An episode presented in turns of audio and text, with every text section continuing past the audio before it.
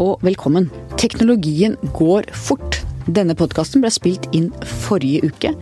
Denne uken ble det kjent at verdens første CRISPR-baby, eller babyer, to tvillingjenter i Kina, er født. Så det vil jeg bare ha sagt før du begynner å høre på dette, at vi visste ingenting om denne ukens gjennombrudd. Likevel, dette er en veldig interessant episode om CRISPR, bi- og genteknologi, hvilken fremtid vi nå kan gå i møte. Makt er mennesker, og mennesker er makt. Den som vet alt om hvordan mennesket er satt sammen, og til og med noe om hvordan vi kan endre den sammensetningen, den har innflytelse over menneskehetens framtid, intet mindre. Forsker, lege og ansvarlig for Huntington-avdelingen ved nevrologisk avdeling ved Oslo universitetssykehus, Lasse Pilstrøm, velkommen hit. Tusen, tusen takk. Du holder på med ting som kan gi oss kunnskap vi kanskje egentlig ikke ønsker oss. Det skal vi komme tilbake til. Men først. Jeg har invitert deg hit fordi du er en av Norges fremste på noe som jeg har vært nysgjerrig på lenge. Muligheten til å fikse på genene våre, endre DNA for å bli friske fra sykdom, eller for å sørge for sterkere og smartere barn. Kompliserte temaer. La oss begynne med det store gjennombruddet i år 2000, da daværende president Bill Clinton annonserte det han kalte The Most Wondrous Map Ever Produced by Humankind. Førsteutkastet til det humane genom. Hva handlet det egentlig om? Ja, det handlet om å beskrive hele den oppskriftsboken som arvestoffet vårt utgjør. Det er sånn at Inni alle cellene i kroppen så har vi en kopi av arvestoffet som består av strenger med DNA. Det er sett tegninger ikke sant? ja, denne heliksen som er så, så berømt. I 1953 så, så, skjønte man at det var den strukturen som DNA-molekylet har, og som, som, på en måte er det språket som arvestoffet vårt er skrevet på. Eh, kromosomene er lange sånne tråder, som vi har eh, 46 stykker av inni alle cellekjernene i kroppen.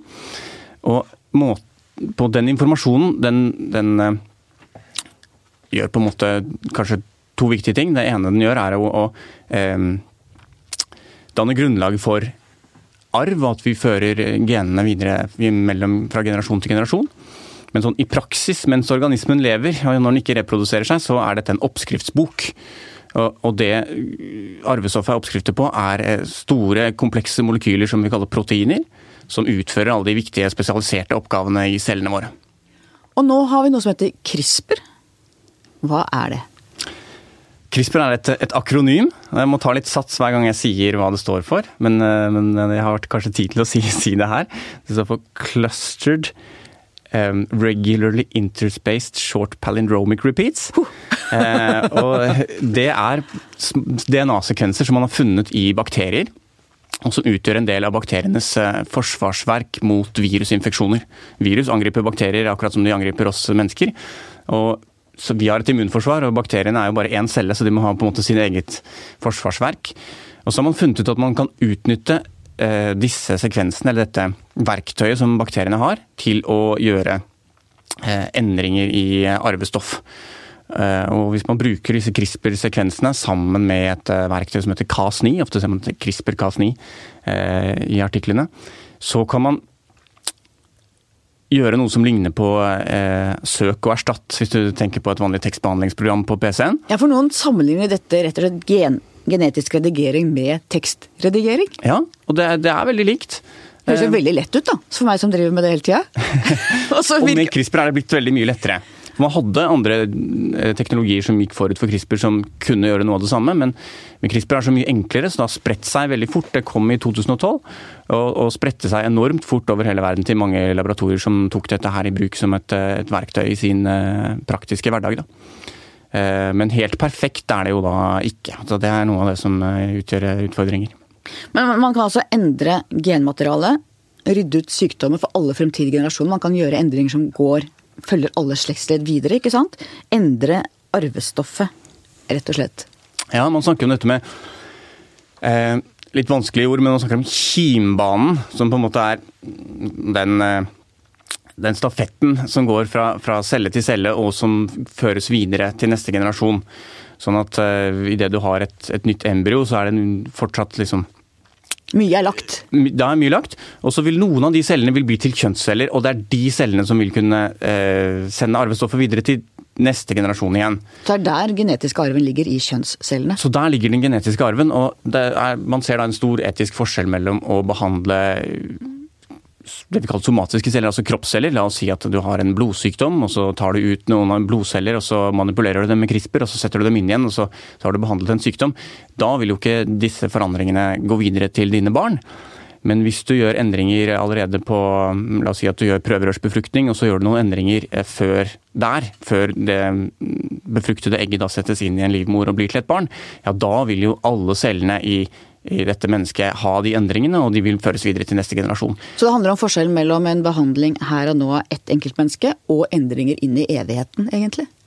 I, et, i en familieledd? Eh, ja, det er forskjellen på det som heter germline på engelsk, som vi kaller for kimbanen på norsk, eh, og, og, de somatiske cellene, eller kroppscellene. Og så kan man kanskje gå inn og tilføre nye egenskaper? Ja, det, eh, i teorien så kan man det. Mm. Det er ganske mind-blowing, altså. Ja, det er det. Ser du for deg at vi et sted i framtiden får det vi omtaler som designerbabyer? Ja, det er jo et nøkkelord på en måte i denne debatten som stadig vekk eh, kommer opp. Eh, og jeg tror jeg vil si at eh, et annet nøkkelord, Jeg vil koble til et annet nøkkelord, som er dette med sorteringssamfunnet, som også er sånn som ofte kommer opp i debatten. Eh, og Én måte å forstå ordet designerbaby kan være at man har på en måte eh, komponert egenskaper eller satt sammen et arvestoff fra grunnen av. Eh, sånn at man nesten har skrevet hele genomet, arvestoffet, til det barnet man vil ha, og bygget det opp fra grunnen av. Det tror jeg ligger i så fall veldig langt inn i fremtiden, og der er det mange vitenskapelige, teknologiske hindre før man kan gjøre noe sånt.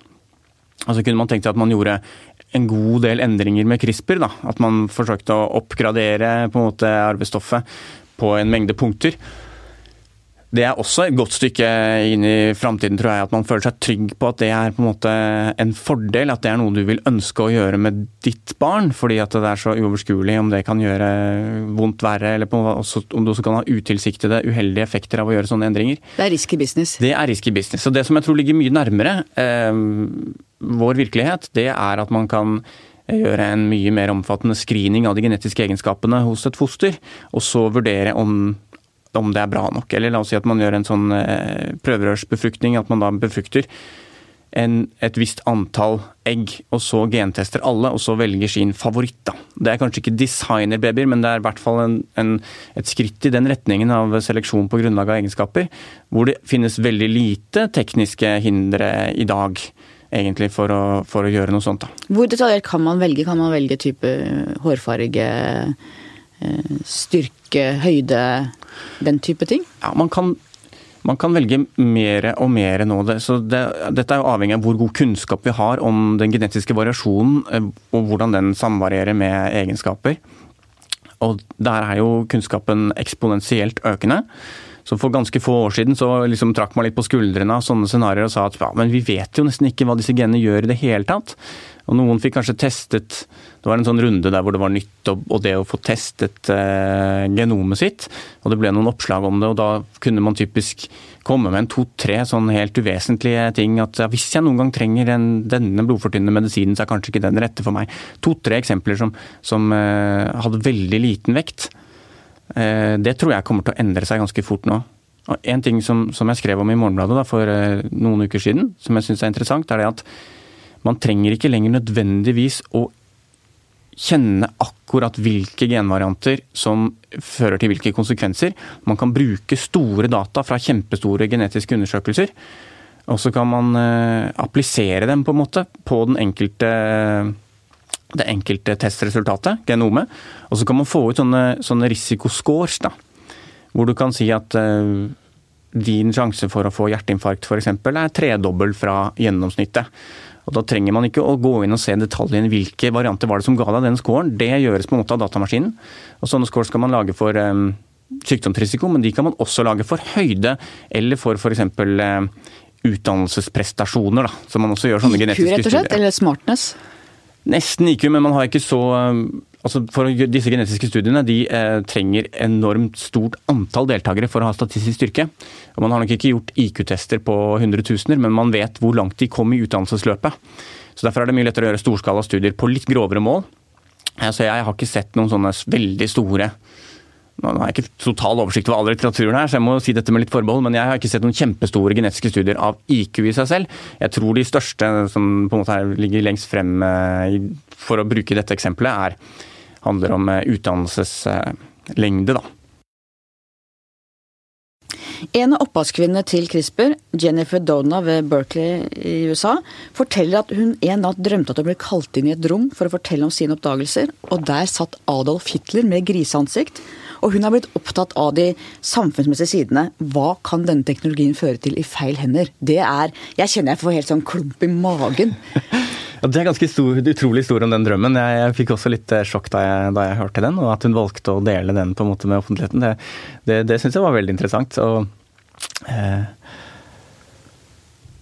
jeg syns det er positivt at eh, en så eh, kjent og prominent forsker velger å eh, bruke noe av sin kjendisstatus og sin nå veldig tunge, prominente status i vitenskapsmiljøet til å til å trekke fram de, eh, de etiske sidene ved den teknologien. Så Hun heiser jo et rødt flagg. Ja. Eh, det jeg tror Allikevel så tror jeg kanskje at eh, CRISPR er blitt litt sånn posterboy da, for de etiske utfordringene ved eh, fremtidens bioteknologi. Men kanskje er det allikevel ikke den teknologien som vil gi oss de største utfordringene rundt neste sving. Da.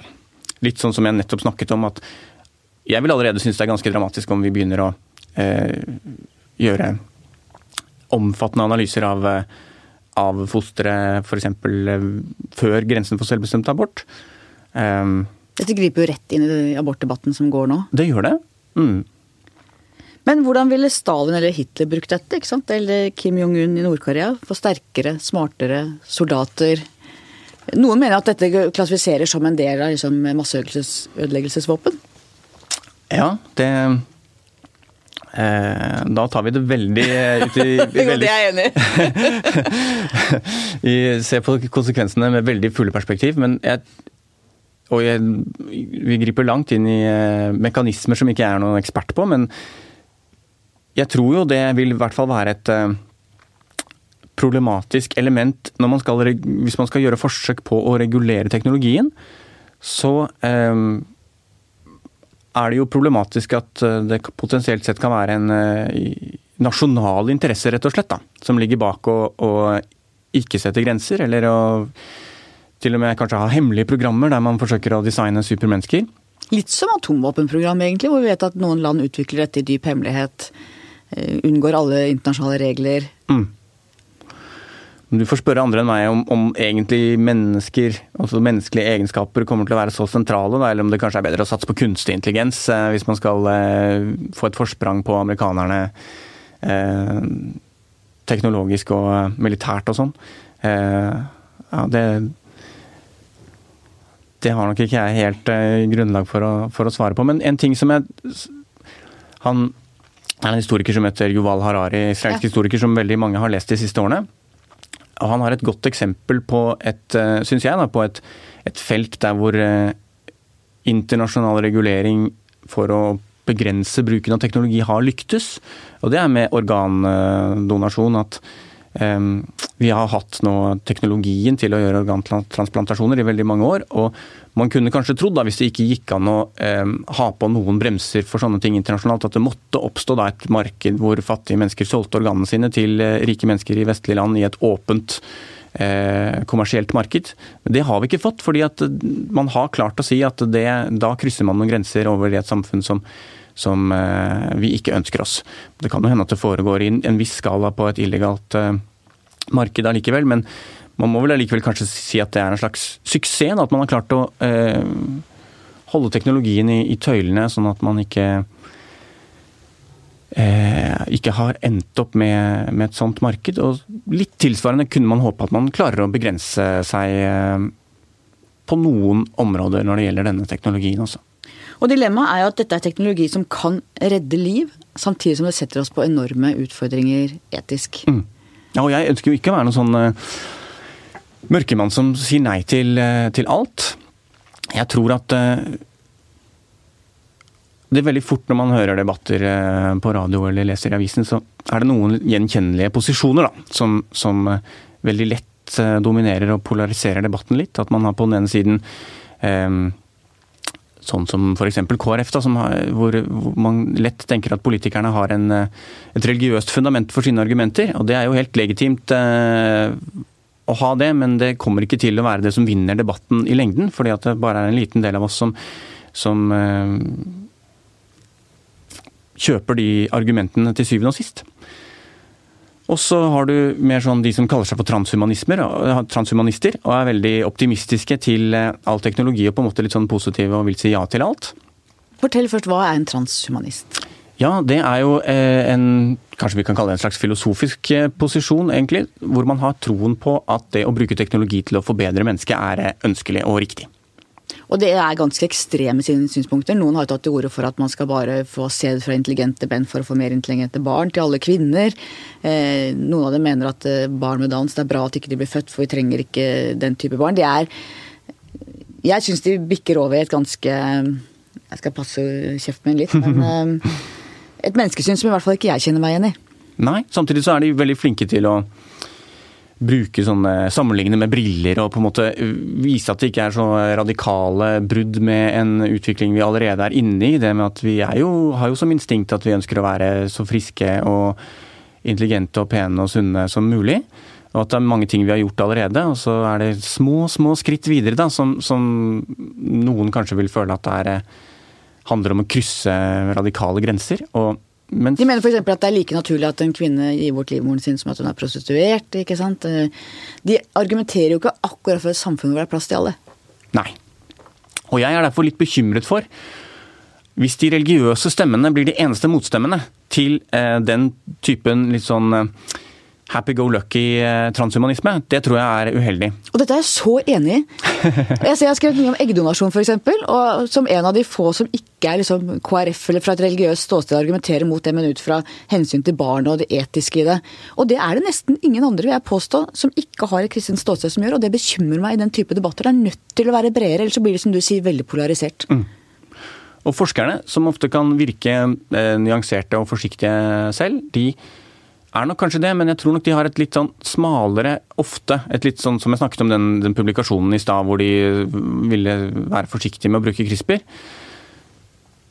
For forskerne så ofte, handler ofte etikk om at man ikke skal eh, utsette pasientene for fare eller for skade. I 2000 så ble det gjort et sånt eh, eksperiment med eh, genterapi for en type immunsvikt som dessverre endte med at noen av de pasientene som mottok den behandlingen, fikk eh, kreft som følge av det.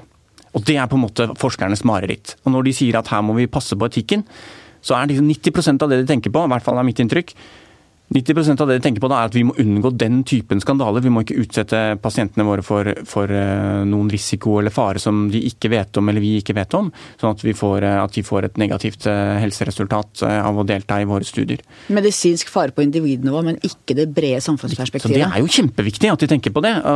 Det, skal, det er jo ikke noe galt det. Men det er, jeg tror nok ofte det dominerer. Så når forskerne sier at her må vi være forsiktige, så er det sånn her må vi være forsiktige i to-tre år inntil vi har litt mer kunnskap og er sikre på at dette er trygt. Og Hvis vi ikke debatterer dette åpent og bredt i vårt samfunn de to-tre årene da, så plutselig så er muligheten der. Eh, og så har vi en litt for enkel, og overfladisk og unyansert måte å snakke om eh, de nye mulighetene på. Og så risikerer vi å bli tatt litt på senga av teknologien. Da. Så jeg tror det er veldig viktig at vi snakker bredt om dette eh, i mange miljøer, og mange med ulike typer ekspertise. Og at det ikke bare blir transhumanistene mot KrF-erne. Men du tok jo nettopp tidlig til orde for å ha de brede samfunnsdebattene. Hvordan syns du den debatten går, egentlig? Det blir jo snakket mer om, eh, og det syns jeg er veldig fint. Eh, men det er krevende fordi at eh, Media har jo sitt eget raske tempo, og det krever på en måte at man bygger opp en felles forståelse av det teoretiske grunnlaget for hva man snakker om, man, før man egentlig kan komme noen vei. Og jeg tror det er mange som snakker forbi hverandre. Jeg syns jeg ser det også i den abortdebatten som går nå. at ting har jo et medisinsk-faglig nivå, et juridisk nivå, et etisk nivå. Eh, og det er såpass polarisert at veldig mange er mest opptatt av å få eh, av å vinne debatten og på en måte få sin egen mening trumfet gjennom. Eh, at det ikke, Da blir det ikke rom for å, for å kommunisere hvilket nivå man egentlig er opptatt av, og presisere hva som er ens egne argumenter. Da. Ja, og Frontene i abortdebatten er f.eks. nå slik at enten så er du mot alle endringer eller ingenting. Jeg for mener at du ikke skal gjøre noe med paragraf 2c, men jeg er mot tvillingabort.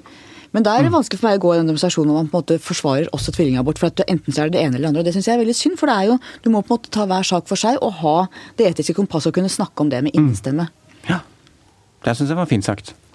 Og man kan jo være f.eks. være for en liberal abortlovgivning på mange, veldig mange ulike grunnlag. Da. Enten så kan man mene at det er etisk uproblematisk. Man kan mene at det, jo, det har en etisk kostnad, men den veier ikke tungt nok til å trumfe de andre etiske hensynene i en totalavveining. Eller så kan man mene at egentlig er det etisk forkastelig, men de praktiske årsakene, at vi ikke vil at det skal bli en flukt av kvinner til utlandet, eh, eller at man skal begynne med strikkepinner, gjør at vi ikke kan eh, håndtere en annen type lovgivning. Det er jo tre helt forskjellige posisjoner, eh, men man hører bare én eh, felles liksom, pro Vern abortloven er én felles stemme. da. Og det, Sånn er det nok blitt med den debatten, og den har kanskje kjørt seg litt fast. Men vi har muligheten, når det kommer alle disse nye, nye teknologiene, da, så har vi muligheten til å prøve å få et, et mer nyansert uh, ordskifte.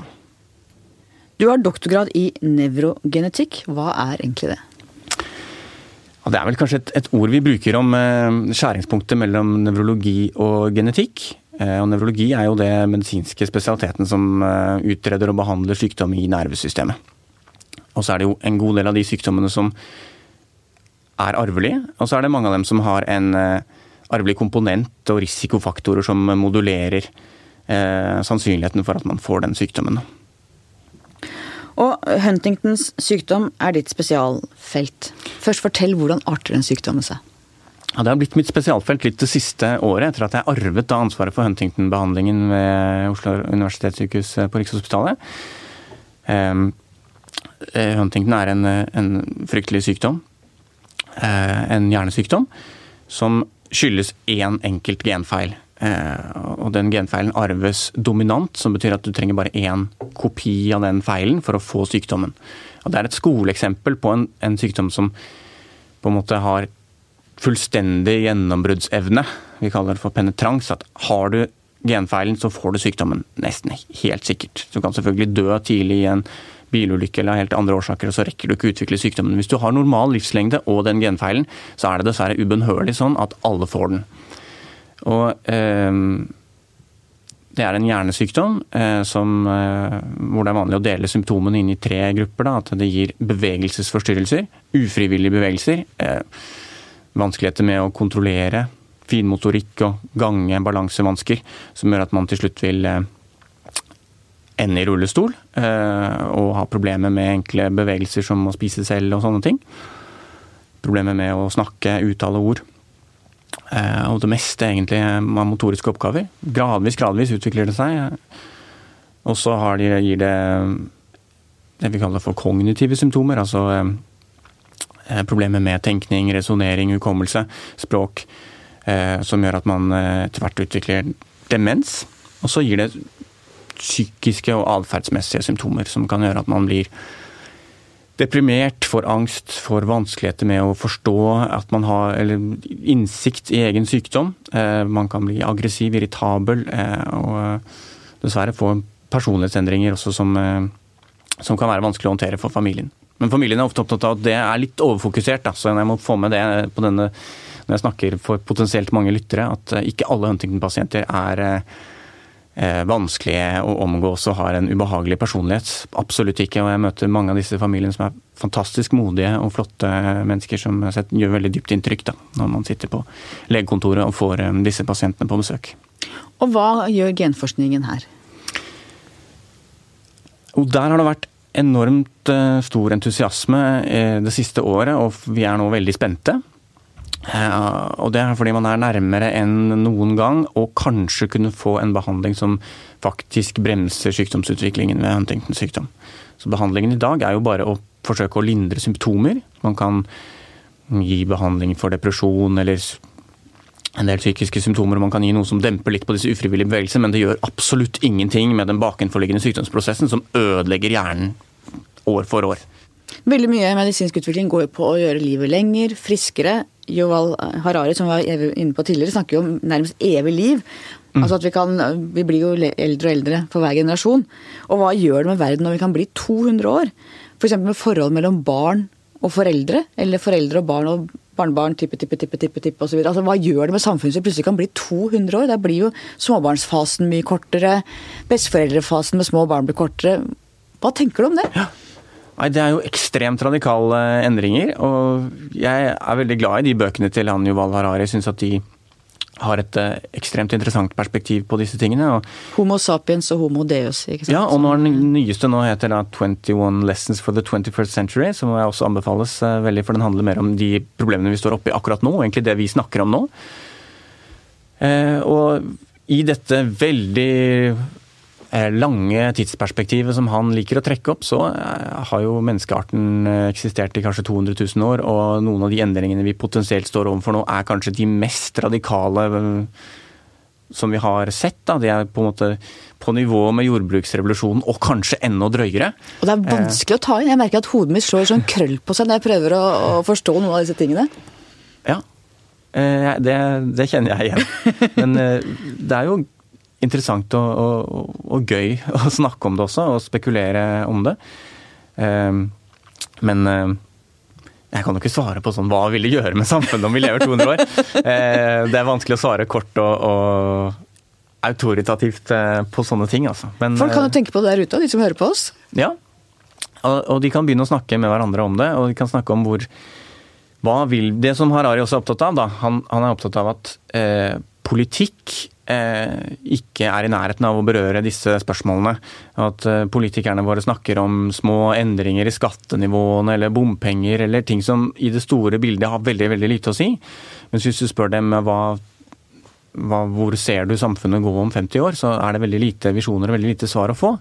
Eh, og Det er litt synd. og kanskje hvis vi, Det han oppfordrer oss til, er å kreve av våre politikere at de skal svare. Hva mener du om Altså, det er klimaendringer, atomkrig, også dette her da, sammensmeltingen av bioteknologi og informasjonsteknologi, som han eh, tror kommer til å danne grunnlaget for en sånn potensiell transhumanistisk utvikling som endrer fundamentalt eh, betingelsene for det å være menneske. La oss snakke litt om hjernen. Under den store hjernevaskdebatten for noen år siden så var jeg oppe eh, på Gaustad og møtte en eh, lege der oppe som viste meg en, eh, en ekte hjerne og det var nesten for meg nesten litt sånn religiøst øyeblikk. Jeg lurte på hva slags menneske har bodd her, ikke sant. Mm. Er det her sjelen bor? Det var, jeg får helt sånn gåsehud bare jeg snakker om det. Alle minnene, alle drømmene. Hva, hva vet vi egentlig om hjernen? Er det der sjelen bor, f.eks.? Ja, hvis sjelen fins. Eh, jeg tror de, de, de, fleste som har et litt sånn uh, naturvitenskapelig syn på det nå, har nok forlatt begrepet sjel. Da. Men de tror jo at hjernen er substratet for bevisstheten vår. At det er eh, på en eller annen måte må det være de tingene som skjer der, som gir opphav til våre subjektive sanseopplevelser. Og akkurat det spranget der er jeg ekstremt fascinert av og har brukt mye tid på å lese om og, og snakke om, og litt grann skrive om også. Eh, og det tror jeg er noe av de største uløste gåtene i vitenskapen. Og noe av det nærmeste en slags sånn religiøs dimensjon eh, som jeg kan tenke meg. Eh, og der vet vi veldig lite. Det er en filosof som heter David Chalmers, som er opptatt av forskjellen på det han kaller for the hard problem og the easy problem, da, om, uh, i, i uh, forståelse av bevissthet, eller consciousness. Og, og, det lette problemet er jo det å på en måte forstå, kartlegge hvordan hjernen virker, hvordan snakker forskjellige nerveceller sammen, og hvordan fører det til eh, atferden vår. og kartlegge i detalj hele maskineriet, på en måte. Men så Teknikken. Ja, men så er det dette med de subjektive opplevelsene som på en måte befinner seg i en helt annen dimensjon, som vi ikke har objektiv tilgang på som, som vitenskaps... Kan jo, jeg kan jo ikke se dine følelser, eller føle dine følelser. Nærmer vi oss da direkte. sjelen på det, egentlig? eller? Og det er at ordet sjel er så ladet med, med, kanskje med religiøse konnotasjoner at, eh, at, det kan bli litt vanskelig. Men jeg, da? Jeg, da? Eller Å oh, Ja, det, det er en, enda en dimensjon igjen.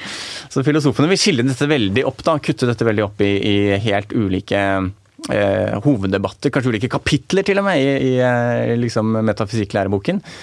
Men, men eh, jeg tror dette med den subjektive sanseopplevelsene, eh, hvor kanskje bevisstheten er, er, det beste ordet på, på, norsk, da, er noe som er objektivt helt sånn ubestridelig at det finnes. Samtidig som vitenskapen er milevidt unna å forstå hva som gir opphav til det, eller hvordan det skapes. Og hvor ligger det i hjernen, f.eks.? Hvordan ser det ut? Hvor ligger det i hjernen? Det jeg tror at man tror at det ikke ligger på ett sted, men at det handler om eh, egenskaper til hele nettverket. Men hva som er de liksom minimale betingelsene for at bevissthet skal oppstå, det er det ingen som vet i dag. Og, og da kan man spørre seg f.eks. hvis vi trekker linjer til abortdebatten, da. Når er det dette fosteret begynner å oppleve at uh, å ha subjektive sanseopplevelser? Når er det noe der som kjenner noe? Alle skjønner at det kan ikke være når det er uh, de fleste tror at det sånt kan ikke være når det bare er en befruktet eh, eggcelle. Mens alle tror nok at eh, rett før du kommer ut av livmoren, så er det noe som kjenner at det er lyder og bevegelse. Eh, men et eller annet punkt må Når? det på en måte starte. Og Når? samme i, i, fra bakterier og insekter og, og krypdyr, fugler, pattedyr. I den rekken av organismer så, så må det på en måte være et slags minstekrav til at bevissthet oppstår. Og i maskiner. Noen tror at det kan oppstå i ikke-biologisk materie også. Noen tror at det er et eller annet magisk med biologisk materie som gjør at eh, akkurat det er mer egnet for å gi opphav til sånne subjektive sanseopplevelser enn uh, silikonskipper og sånne ting. Og det, her tror jeg vitenskapen uh, står uh, lenger unna et svar enn enn i mange av disse mer sånn praktiske spørsmålene, hvor det er hele tiden en inkrementell eh, bevegelse fremover som gjør at vi skjønner at vi kommer til å komme dit eh, rundt neste sving. Så, så, skjønner vi hvordan vi løser dette problemet. Her står vi overfor et problem som vi ikke skjønner. Eh, vi ser ikke engang for oss hvordan skrittene skal gå videre i den retningen. Er det et mål å komme dit, eller bør det være litt sånn eh, at vi beholder liksom vårt eget jeg tror det er et mål å, å forstå oss selv og forstå verden så godt som mulig. sånn at Det, det syns jeg er utrolig spennende å tenke på det som en utfordring for vitenskapen. Så jeg, jeg, vil nok ikke tenke at det er riktig å pålegge oss en slags sånn tabu, da. Ikke noe moratorium på hjerne... Nei, det tror jeg ikke. jeg stemmer ikke for det. Eh, forskere studerer bl.a. hvordan hjernen regulerer tørst. Og Det er et mysterium. Du har skrevet om det. Ja, hvordan var det igjen? det, det, var noe med at uh, man er tørst, og så skjønner hjernen i det du drikker at du er ikke tørst lenger, selv om væsken har jo ikke kommet til blodet ditt og ut der hvor den skal være, hvor det faktisk er behov for væske. Mm. Det stemmer, nå husker jeg den uh, Jeg bare syns det var veldig fascinerende. Ja. ja. Det illustrerer jo hvordan uh, hvordan hjernen kan ta sånne snarveier, og hvordan alle sansene på en måte samvirker da, i, for å styre atferden vår mest mulig effektivt. Eh, for Man kunne jo lure på det, hvordan skal man stoppe? Hvordan skal man vite at man skal stoppe når, når det stimuluset som, som, genererte tørsten i utgangspunktet, som kanskje var at du har høyere salt, saltinnhold i blodet eller, eller, lavere blodtrykk eller sånt, når det tar tid før det kan rettes opp igjen, eh, så kan man jo lure på hvordan kan man da vite at man eh, skal stoppe å drikke? Og da må vi ha en annen mekanisme som, eh, som sørger for det. Da. Hjernen er jo helt genial. Den er, den er eh, genial, kanskje det mest, eh, mest, fascinerende vi vet om. Da. Og hjernens forhold til tid. Altså Tiden kan fly, den kan stå stille.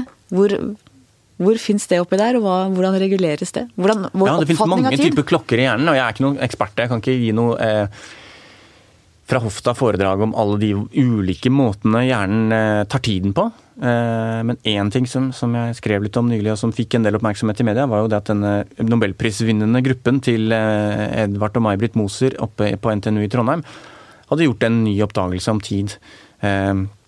Hvor de hadde brukt den samme grunnleggende teknologien som de har brukt til å kartlegge dette med hjernens GPS. Gittercellene, som de kaller det de har jo eh, typisk rotter som beveger seg rundt eh, i et eh, eksperimentelt eh, landskap, på en måte. Og så registrerer de aktiviteten til, til bestemte hjerneceller. Eh, og de kunne bruke den samme, det samme setupet da, til, å, til å også studere hvordan, eh, hvordan rottene beregnet tid. Og en ting som korresponderte veldig med vår intuitive opplevelse av, av tiden, var jo det at de at at rottene bedømmer tiden annerledes avhengig av om de har en eh, monoton livssituasjon der det ikke skjer nye ting, og de, de opplever det samme hele tiden, eller om de opplever variert eh, eh, hendelsesforløp, da, hvor det skjer mye, mye forskjellig. Eh, det var jo veldig synes jeg var Ofte så syns vi jo det er flott når forskere finner ut ting som på en måte ikke er helt, helt, nytt, men de finner ut ting som vi visste fra før, men de viser mekanismen. Eh, det blir vi ekstra begeistret for ofte. Og vi har jo alle, i hvert fall de fleste, hatt jobber hvor man har sett på klokka og tenkt åh, er det ikke snart lunsj? Og så er det lunsj som går fortere enn resten av dagen, og så åh, kan vi ikke snart gå hjem? Og så har vi hatt eh, jobber hvor i hvert fall jeg en jobb nå hvor det bare liksom dagen at vi bare sorser av gårde, for det skjer mye og er mm. gøy. ikke mm. sant? Så det er klart at den er, Vi veit jo egentlig at det er sånn det er. Og sånn er det kort, innenfor korte tidsrom, så er, det, så er det kjedelig og det føles som klokken går sakte når det skjer lite. Mens hvis du gjør har et år hvor det som er veldig monotont, så kan det oppleves som om det har gått fort. Ja, hvor ble det av det året? Riktig. Mens hvis du har fylt det året med veldig mange ulike aktiviteter eller ulike prosjekter, så kan det føles som at det året skjedde det mye. og I dine minner så strekkes det ut da, og virker som en veldig lang periode. Fascinerende. Organoider, altså tredimensjonale strukturer, Ehm, man kan lage såkalte organoider også av hjernemasse. Hva ligger av, For å forklare ordentlig bedre enn meg hva organoider er, og så hvilke etiske mm. utfordringer mm. ligger det i å bygge sånne strukturer av hjernemasse? Mm. Så dette, Oid er jo en sånn endelse som man låner fra gresk når man skal si at noe er lignende. Så dette er jo noe organlignende eh, modellsystemer. Eh, og eh, Man kan bygge hjerte, man kan bygge mye forskjellig. Ja. Sånn. Og det har sitt utspring i en teknologi som også, akkurat som CRISPR, har eksplodert og fått enormt mye oppmerksomhet og fått en veldig bred anvendelse på 2000-tallet, som er dette som heter induserte stamceller. Så det betyr at før, for å få stamceller Det har sikkert de fleste fått med seg at det har vært en sånn etisk debatt om det er lov å ta stamceller fra aborterte foster og sånne ting.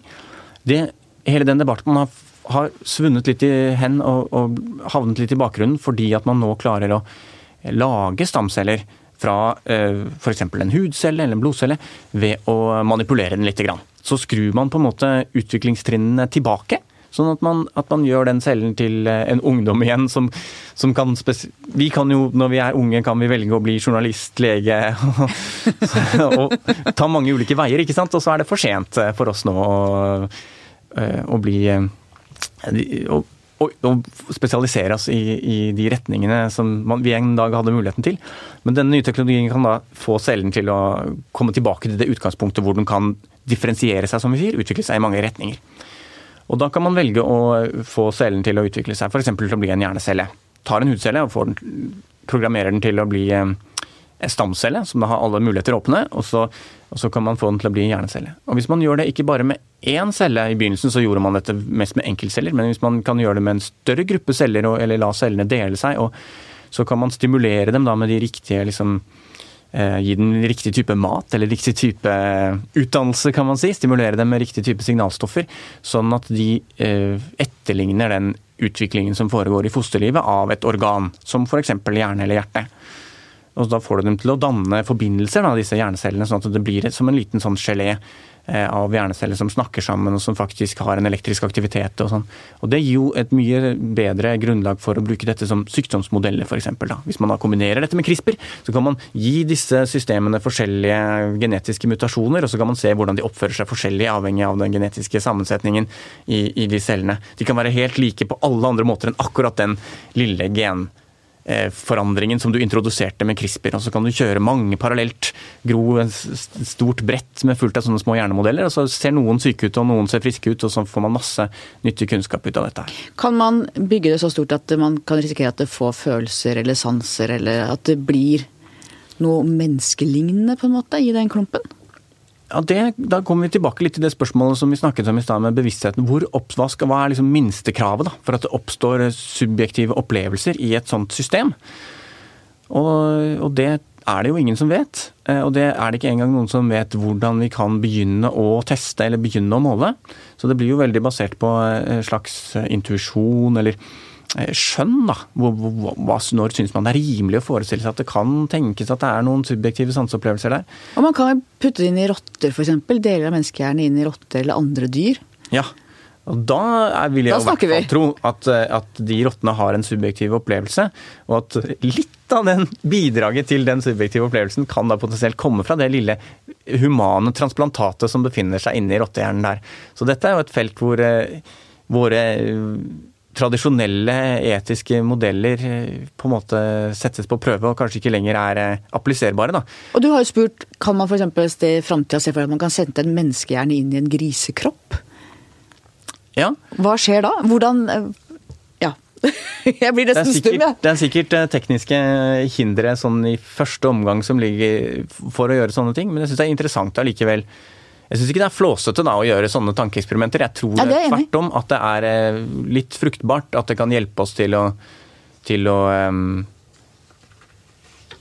se noen av de prinsipielle dilemmaene da, i, i, ved denne typen teknologi som kommer til å komme. Hvis man tar noen litt ekstreme, litt tabloide eksempler, kanskje sånn i denne fasen, så håper jeg at det bare kan være stimulerende for samtalen. da.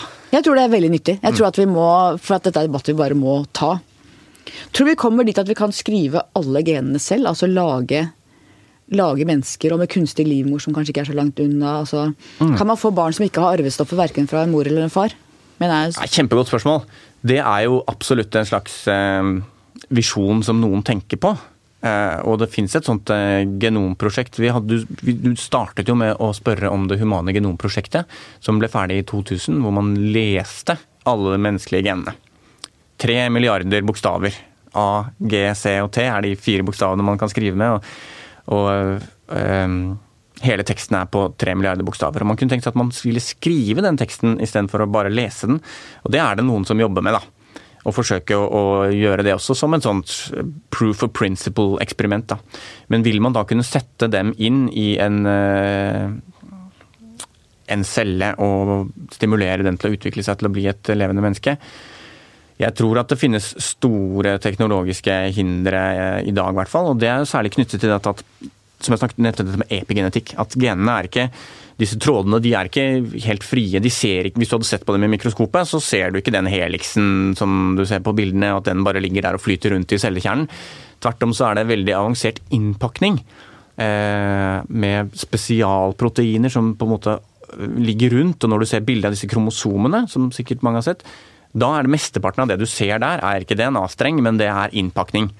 Og Den innpakningen er veldig avansert og spesialisert og sørger for at uh, genene brukes på riktig måte. At man bare pakker opp og bruker den delen som man uh, trenger. og um, jeg tror det er helt, man er, hvis, hvis man, Uten den innpakningen er man i dag helt helt sjanseløs, og da må man på en eller annen måte prøve å bygge den også fra grunnen av.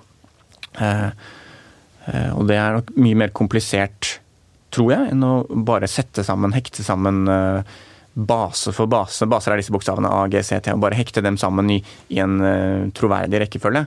Det er nok mye enklere enn å få alt dette ekstra maskineriet rundt til å fungere på en trygg måte, sånn at det kan gi opphav til et, et barn. Som Gro Harlem Brundtland sa i sin tid, alt henger sammen med alt. Det, det gjør det. Det, er, det. det, kan man trygt stå inne for. Forskning er jo de små bitene i puslespillet. Der hver og en forsker kan finne sin bitte, bitte lille bit. Kanskje etter årevis på laboratoriet. Blir du av og til lei? Nå er jeg så heldig at jeg i øyeblikket jobber 50% som lege og 50% som forsker. Og det eh, sikrer at jeg får den, eh, av og til den gode følelsen av å ha gjort noe meningsfullt bare dagen i dag. Eh, når jeg jobber og som menneskelig lege. kontakt? Ja, og menneskelig kontakt. Da ser man pasienter og føler at man eh, forhåpentligvis gjør noe eh, verdifullt for dem. Eh, som på en måte er avsluttet når arbeidsdagen er over. At man har bidratt med noe som man er trygg på at var positivt den dagen. Men som forsker så kan dager og noen ganger uker og kanskje til og med måneder eh, på en måte oppleves litt som man står i stampe og at det er litt eh, bortkastet. At man ikke bringer verden noe fremover i det hele tatt. og det, det, kan være litt frustrerende, men nå jobber jeg to uker med den og to uker med det andre. Eh, og det er jeg veldig glad og takknemlig for. Men det er også veldig gøy å ha de langsiktige prosjektene hvor man ser en utvikling over år og opplever å av og til heldigvis komme i mål og, og finne ut et bitte lite, men som er helt nytt da, til slutt. Pressen står midt i den digitale revolusjonen. Vi har gjennomgått enorme endringer. Og hva med legeyrket? Er det under press? press? Blir dere digitalisert bort på et tidspunkt? Dr. Watson, kunstig intelligens. Ja, ja. Dette har jeg, Altså, fikk jeg gleden av å delta i en slags debatt om for eh, ikke så lenge siden, eh, i regi av eh, noe som heter Norsk medisinsk museum. Og da prøvde jeg å tenke litt rundt det. Jeg tror at, at vi må samarbeide med maskinene. Jeg er ikke redd for å miste jobben. Eh, Jeg tror at det er lang tid fremover hvor eh, denne typen eh, teknologier vil være verktøy i legens hender, og ikke erstatte legen fullt ut. Og jeg tror at vi ikke må være redde og tenke at dette er noe vi skal sette oss på bakbeina og eh, eh, ikke ønske velkommen, men at vi må være aktive og ta i bruk på en god måte den typen teknologi. Sånn som kunstig intelligens eh, for å vurdere bilder eller biopsiprøver eller sånne ting er kanskje noe av det man kan se for seg kan komme først. da. Men en annen måte å jobbe på. Det kan bli en eh, annen måte å jobbe på, men vi har, leger er nok vant til å ta i bruk f.eks. ultralyd, MR. Det kommer hele tiden eh, ny teknologi, og jeg tror nok at det første som kommer, vil være den, gi den samme følelsen for legene. At oi, nå har vi et nytt verktøy som kan gi oss bedre og mer presis eh, diagnose. Og så, så kan man tenke seg en revolusjon som ikke skjer på en måte innenfor rammen av helsevesenet, men hvor, hvor det også handler om mer hvordan eh, mennesker forholder seg til sin egen helse med apper og quantified self, er det noe som heter. da. Google-doktoren. Ja, eh, og der er jeg litt mer skeptisk, da, eller litt mer vil jeg kanskje tenke at det er større grunn til å eh, tenke gjennom hva som egentlig er gevinsten ved å, for det enkelte mennesket ved å omfavne. Der tror jeg det vil være mye kommersielle interesser inne. Og at det vil kanskje være litt vanskelig å veie fordeler og ulemper ved å begynne å leve livet sitt eh, styrt av helseapper. Jeg tror at det kan være mange negative konsekvenser også ved det. at man, eh, Her bør det offentlige være litt offensivt og også kunne gi noen fornuftige råd. da. Ja, for jeg kan jo sende inn en DNA-test og få vite masse om min fremtidige helse. Jeg ønsker ikke det, for det er veldig mye jeg ikke ønsker å vite. At det er disponert for. Men det er fristende å gjøre det, og så er du ikke helt klar over hva som egentlig kommer. Det tror jeg. Og det er jo Av og til så kan genetikk føles mer deterministisk og mer absolutt og skumlere enn andre ting. Og det er jo mange som syns det er greit å måle blodtrykket eller blodsukkeret eller gjøre andre undersøkelser av kroppen sin. Som også har en slags prediktiv eh, valør. Da, eller kan si noe om din risiko for å utvikle noe i fremtiden. Og syns det kanskje er litt skumlere om man skulle få vite noe lignende med en genetisk test. Kanskje vil vi i fremtiden føle det skillet der som mindre dramatisk. At vi blir mer vant til å forholde oss til genetisk informasjon. Og så, og så eh, tenker man at man kan ta ut den informasjonen fra genene dine som, som har praktisk konsekvens og som er nyttig for deg. Og så kan man la det andre ligge. Eh, jeg tror vi utvikler oss, at at helsevesenet vil utvikle seg litt i den retningen. Eh, Men at det er mange skjær i sjøen da. At man ikke må overdrive det. Eller, eh, og det må jo, må jo ikke bli sånn at den kunnskapen om din egen helserisiko blir så omfattende at det går utover friheten til å leve livet ditt på den måten som gir deg mest eh, mening og glede. Ja, For livet er jo risikofylt.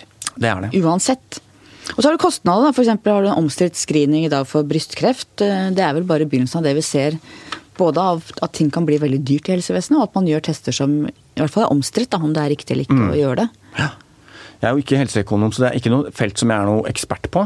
Eh, Men jeg tror at eh, sånn Min magefølelse er vel kanskje det at det er mye snakk om at det er billigere å forebygge enn å behandle. Og det gjelder kanskje på den enkelte Hvis du ser på en enkelt pasient og følger hva hadde det vært best å starte med eller annen, et eller annet tiltak tidlig, eller er det, er det best å komme dit hvor det utvikles en sykdom? Da er det opplagt billigere å forebygge. men den tanken om å, å drive en slags kontinuerlig storskala screening av, av hele befolkningen eh, Min magefølelse er at det vil ha veldig store kostnader også. Eh, og at det kanskje ikke er riktig å Når man av og til må si Vi er jo også der at vi må si nei til dyre medisiner, nye utviklede Hvis den kommer, da, den Huntington-medisinen som jeg snakket om tidligere, eh, så vil den antagelig være veldig dyr i begynnelsen, og det vil bli et, eh, et spørsmål om det er noe helsevesenet kan prioritere. Hvis det er sånn at, at man kan prioritere enten den, eller man kan skrine alle for eh, en eller annen eh, mulig sykdomsrisiko som gjør at eh, mange av dem må videre til MR-undersøkelser og biopsier, og så og så kanskje man oppdager noen krefttilfeller og avverger dem. Et sånt kjempeapparat som man kan tenke seg i mange screeningsscenarioer. Så heller jeg mot å gi Huntington-pasientene den behandlingen. Eh, heller enn å drive stor, konsentrere seg veldig mye om de som ikke har symptomer og som er friske i dag. Da. Jeg er helt enig. Mye av det vi har snakket om koker jo ned til født sånn eller blitt sånn, den store debatten om arv og miljø. Hvilke svar gir genforskningen oss så langt? Her har jeg lyst til å prøve å drive litt folkeopplysning. Det er veldig fristende. Det er et begrep som heter heritabilitet, eller arvbarhet, som var ganske sentralt i denne hjernevaskdebatten også. Som er litt, litt komplisert å forstå. Det handler om hvor mye av variasjonen i befolkningen forklares av genetikk. Og da er det veldig lett å uh, hoppe på ideen om at det er hugd i stein. Og at dette er 50% arvelig. Men det er helt galt. Tvert om så er det sånn at, at det vil variere fra samfunn til samfunn, fra tid til tid. Og Et klassisk eksempel er hvordan da um, utdannelse eh, og skoleprestasjoner er mye mer arvelig i Norge nå enn det det har vært før. Fordi vi tilbys like muligheter nå. Og jo likere miljøbetingelsene blir, jo mer vil genene bety. Dette er tilbake til likestillingsparadokset til Jordan Peterson. Ja. Som sier at fordi Norge er så likestilt, så har vi det mest kjønnsdelte arbeidsmarked. Nå er det omstilt hvorvidt vi har det eller ikke, mm. men han mener jo det. At jo likere eh, rammene rundt der, jo større virkninger vil de genetiske forskjellene ha. Mm. Tenker du at det gjelder også kjønn? Som Jordan Peterson mener? Om jeg er enig med Jordan Peterson i akkurat det utsagnet, om at uh, preferanser for jobb og sånn f.eks. er veldig sånn genetisk eller biologisk bestemt. Ja, Det er litt sånn kontroversielt spørsmål. Har jeg lyst til å svare på det, da? det er opp til deg. uh, jeg, tror, jeg tror jo det finnes biologiske kjønnsforskjeller, og jeg tror at den i likestillingsdebatten så er det noen fundamentalister som på en måte tror at det er fruktbart å, fornekte det helt.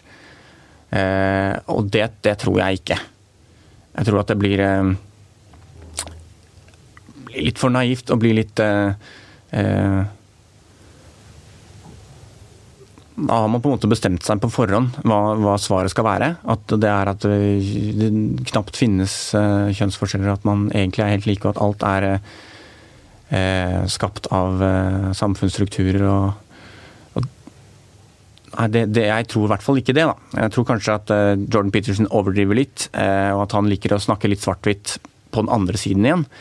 Ja, Men jeg tror vi må kunne leve med at det er litt flere kvinnelige sykepleiere og litt flere mannlige bilmekanikere, og, og tenke at det ikke er eh, fordi vi har gitt guttene biler å leke med og vi ga jentene dukker, så ble det sånn. Og hvis vi ikke hadde gjort det, så hadde det blitt 50-50. Det tror jeg ikke. Og Hvis vi går tilbake til utdanningsbiten også, så er det klart Einar Gerhardsen og Trygve Bratle og de gutta ville jo tatt høyere utdanning i dag. ikke sant? Og hvis ja. du ser på innvandrerbefolkningen, hvor mange kommer fra familier hvor foreldrene ikke har høyere utdanning, så har du der en, en pool med mennesker hvor du har mm.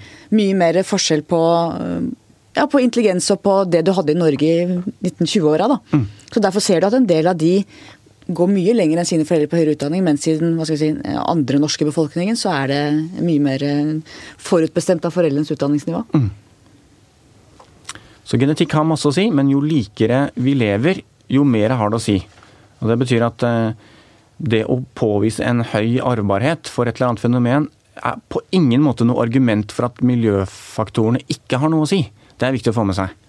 Så det var en, en uh, britisk forsker som heter Robert Plumin, tror jeg han heter. Kom med en bok og, og, har vært litt i media nå i det siste. Han har skrevet en bok som heter Blueprint, som jeg ikke har lest, som bare har lest litt omtalen av. som brukte det med overvekt som et eksempel på at genetikk betyr mye. Eh, og Det betyr mye for hvem som blir overvektige, men så lenge vi alle på en måte lever i det samme samfunnet med den samme matkulturen, så betyr ikke det at vi ikke kan endre på måten vi spiser i samfunnet, og så vil det endre dramatisk mengden antallet som blir overvektige. Eh, selv om akkurat hvem som har høyest risiko for å bli overvektige, kan være veldig genetisk bestemt allikevel.